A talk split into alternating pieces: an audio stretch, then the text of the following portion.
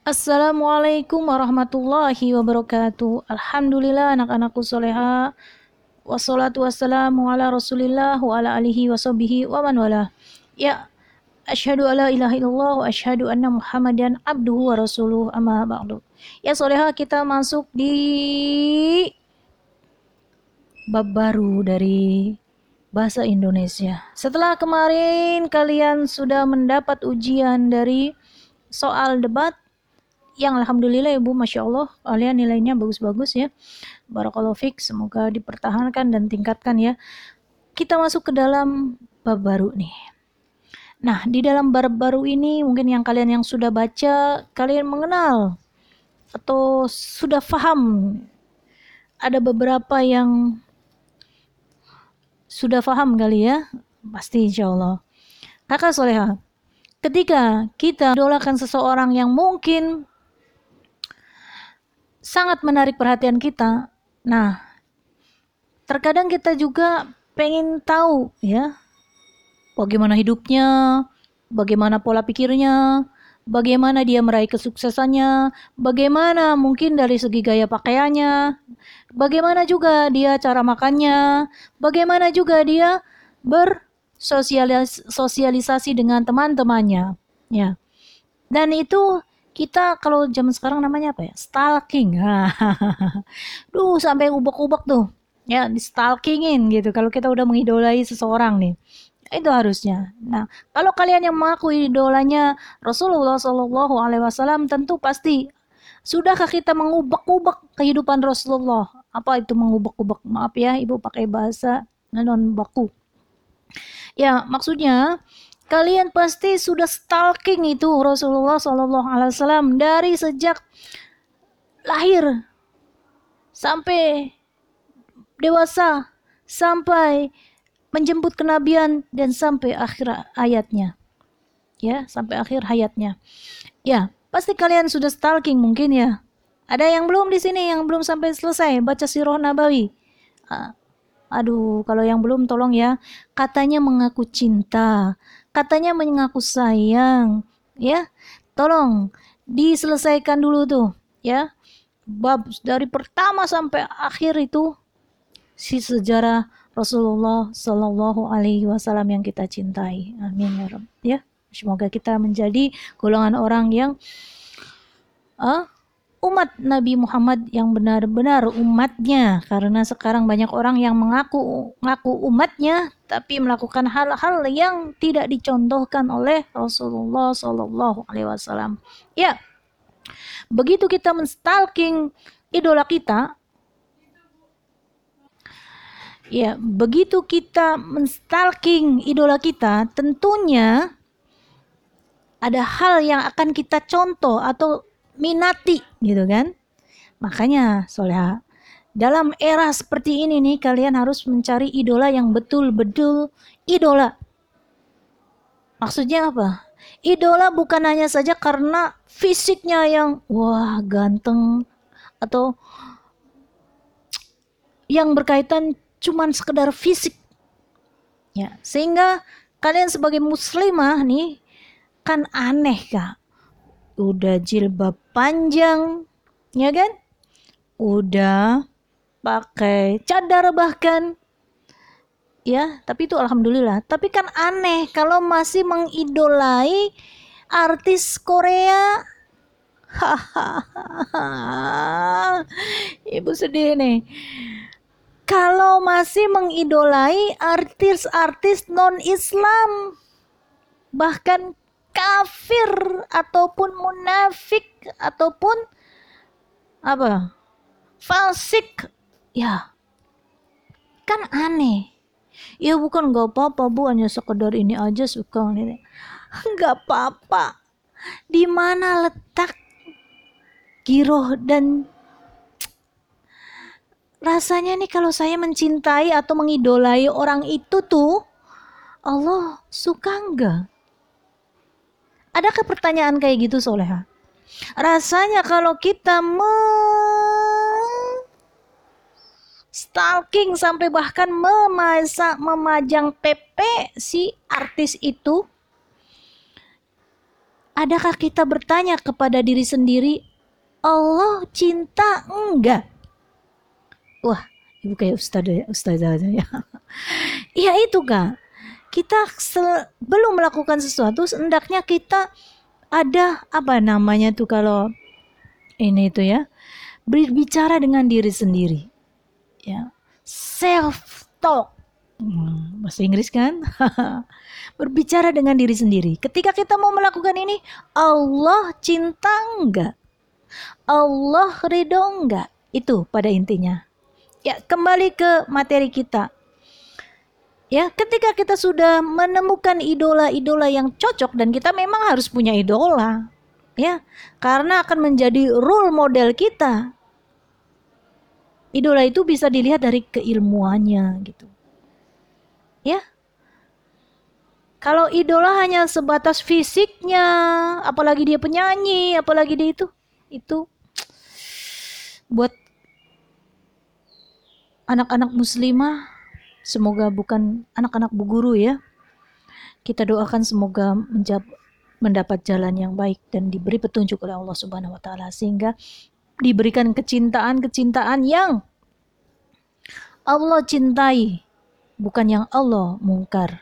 Jadi jangan lupa juga kita berdoa kak. Gak bisa kita kalau berjalan sendiri. Kita berdoa kepada Allah ya Allah. Jadikanlah hati ini mencintai apa-apa yang engkau cintai ya Allah.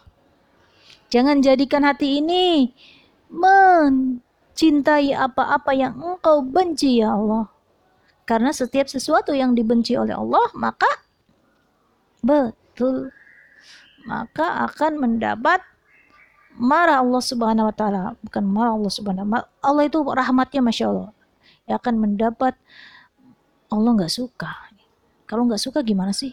Hidup kita nggak berkah, ya hidup kita sia-sia. Oke, kembali ke kita ke materi kita pada kali ini adalah biografi. Ya. Biografi itu sebenarnya kata dari Yunani ya. Kita banyak sekali menyerapkan kata yang sudah di udah di ini bakukan dengan biografi. Tadi dari asal katanya itu biografia. Nah, kalian udah tahu ya di situ ya. Nah, ini Masya Allah ya, ada banyak jenis-jenisnya. Secara KBBI, biografi itu riwayat hidup seseorang yang ditulis oleh orang lain. Tuh, ditulis orang lain ya.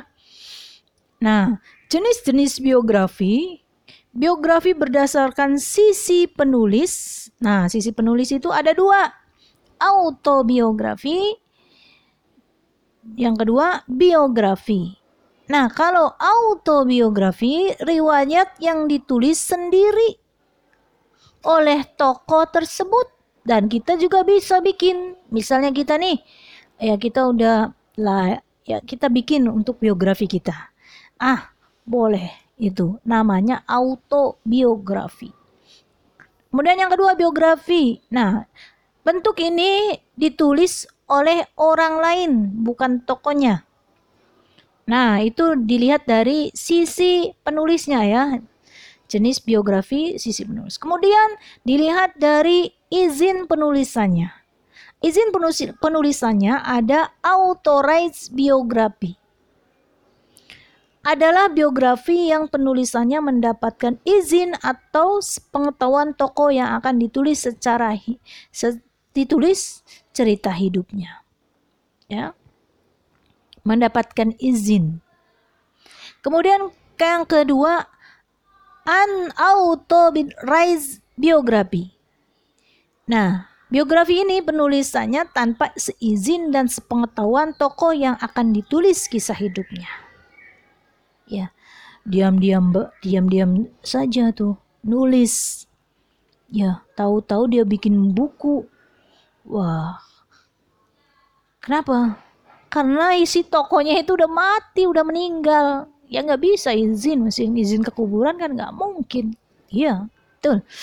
Yang ketiga biografi berdasarkan isinya. Nah kalau dilihat dari isinya biografi itu biografi perjalanan hidup. Biasanya banyakannya seperti itu gitu kan? Ya diambil ini dari bagian-bagian yang dianggap mempunyai kesan. Nggak mungkin nggak semuanya sampai hal-hal yang detail yang kecil yang nggak ada nggak ada sangkut pautnya gitu kan nggak hanya diambil bagian-bagiannya yang penting kemudian yang kedua biografi perjalanan karir nah penulisannya pasti mengenai karirnya orang tersebut hingga karir yang dilakukan pada saat ini dan perjalanan karirnya sampai dia menuju ke suksesan. Ini juga banyak. Ya. Nah, yang keempat, biografi berdasarkan persoalan yang dibahas. Satu, biografi politik. Apa itu biografi politik? Ya, ini biasanya sudut pandang politik ya yang bermain. Biografi politik biasanya tidak lepas atau syarat akan kepentingan penulis atau tokoh yang minta untuk ditulis. Iya, biasa ada ting-ting gitu loh. Ada apa sesuatu yang berurusan dengan kekuasaan, berurusan dengan jabatan, ya itu. Kemudian yang kedua biografi intelektual Ya, ini berdasarkan persoalan yang dibahas. Yang kedua, biografi intelektual. Ya. Ini adalah kumpulan bahannya yang didapat dari berbagai riset. Ya. Sehingga mirip-mirip sih sama biografi politik, tapi kalau biografi politik itu lebih cenderung kekuasaan, kejabatan, ke pemerintahan. Nah, kalau yang ini lebih cenderung ke ilmiah atau riset-riset, ya. Dan dituangkannya juga dengan bahasa ilmiah. Nah, yang ketiga, biografi berdasarkan persoalan yang dibahas. Yang ketiga itu biografi jurnalistik. Nih, Biografi jurnalistik ini hasil dari wawancara dengan tokoh yang akan ditulis atau tokoh yang menjadi rujukan sebagai bahan pendukung cerita. Ini tokohnya berarti masih hidup ya. Kalau kita pengen nih membuat biografi orang tua kita mungkin ya, karena orang tua kita ini ya masya Allah gitu kan, uh, dari nol sampai sekarang bisa punya ini punya itu gitu kan ya. Kesuksesan kita kan uh, tergantung cara pandang orang lain cara pandang kita ya berbeda kalau menurut kita udah bisa makan hidup tenang mungkin bisa jadi itu sukses. Atau lebih lagi wah udah hidupnya agamis banget ya kan? Ini apa namanya? Itu kita bikin wawancara gitu. Wawancara. Oh, asal muasalnya gimana nih gitu kan? Terus ya nanti ada teknisnya. Ya kemudian yang kelima berdasarkan perso berdasarkan penerbit nah buku sendiri ya biografi berdasarkan penerbit buku sendiri maksudnya apa diproduksi dengan biaya apa ditanggung sendiri. Ini nih, nih. Percetakan dan pemasaran juga ditanggung sendiri nih. Wah kalau kita nggak apa-apa nih, nggak biar nggak merge dengan yang lain. Kita bikin buku, kita cetak sendiri, kita tulis sendiri, ya. Iya kita tulis sendiri, kita pasarkan sendiri, ya. Dengan begitu, ini namanya buku sendiri. Kemudian buku subsidi. Nah, buku subsidi ini penulisan biografi toko yang biasanya produksinya ditanggung oleh sponsor. Misalnya biografi seperti jika dilihat dari segi komersil tidak akan laku ataupun jika laku harganya jualnya terlalu tinggi sehingga tidak terjangkau. Ini biografi buku subsidi ya berdasarkan penerbitnya. Oke, Soleha, paham insya ya. Nah, soleha manfaat atau kita belajar biografi ini ada aspek yang bisa kita teladan, teladani dari tokoh biografi. Ya. Makanya kita cari idola itu yang benar-benar bisa diteladani kebaikannya. apa saja yang kita dapatkan ketika kita melihat biografi dari sang tokoh. Ya ini tambahannya tidak ada di buku. Manfaat mempe, membaca biografi. Satu, mempelajari hidup. Dua, melihat bahwa usaha dan kerja keras akan berbuah manis. Tiga, melihat bahwa manusia punya kelebihan dan kekurangan. Empat, menghargai nilai-nilai kehidupan. Lima, menjadi inspirasi dan teladan hidup. Enam, pengingat untuk tidak melakukan hal buruk bisa ya. Kalau kita sudah mengidolai, wah. Tujuh, meniru kebaikan yang pernah dilakukannya. 8. Mengambil hikmah dari setiap bagian hidup. 9. Menjadi lebih percaya diri. Ya, itu ya. Masya Allah manfaatnya banyaknya. Ya, tapi seperti yang Ibu katakan di awal tadi, kita harus benar-benar mencari idola yang betul-betul bisa diteladani kebaikannya ya. Berikutnya masuk ke ciri-ciri teks biografi. Nah, ciri-ciri teks biografi bisa kita paparkan seperti ini nih. Satu, menurut fungsinya. Ya, fungsi. Ya tadi itu. Teks biografi memberikan gambaran tentang kehidupan dan riwayat seseorang. Teks biografi memberikan gambaran kepada pembaca tentang tema dan bobot karya seseorang yang dibeli. Yang tiga, teks biografi menganalisis dan menerangkan kejadian-kejadian hidup seseorang. Itu ciri ya, yang berdasarkan fungsi. Yang keempat, teks biografi memberikan pengetahuan mengenai kelebihan seorang penulis dan latar belakang. Sedangkan ciri-ciri teks biografi menurut tujuannya sebagai berikut. Satu, teks biografi memberikan pengetahuan perjalanan hidup seorang tokoh kepada pembaca dan penulis. Ya. Dua, teks biografi digunakan untuk mengambil pelajaran dari kehidupan tokoh tersebut. Tiga, pembaca dan penulis dapat mencontoh tokoh tersebut. Ini tujuannya ya, biar orang mencontoh tokoh tersebut.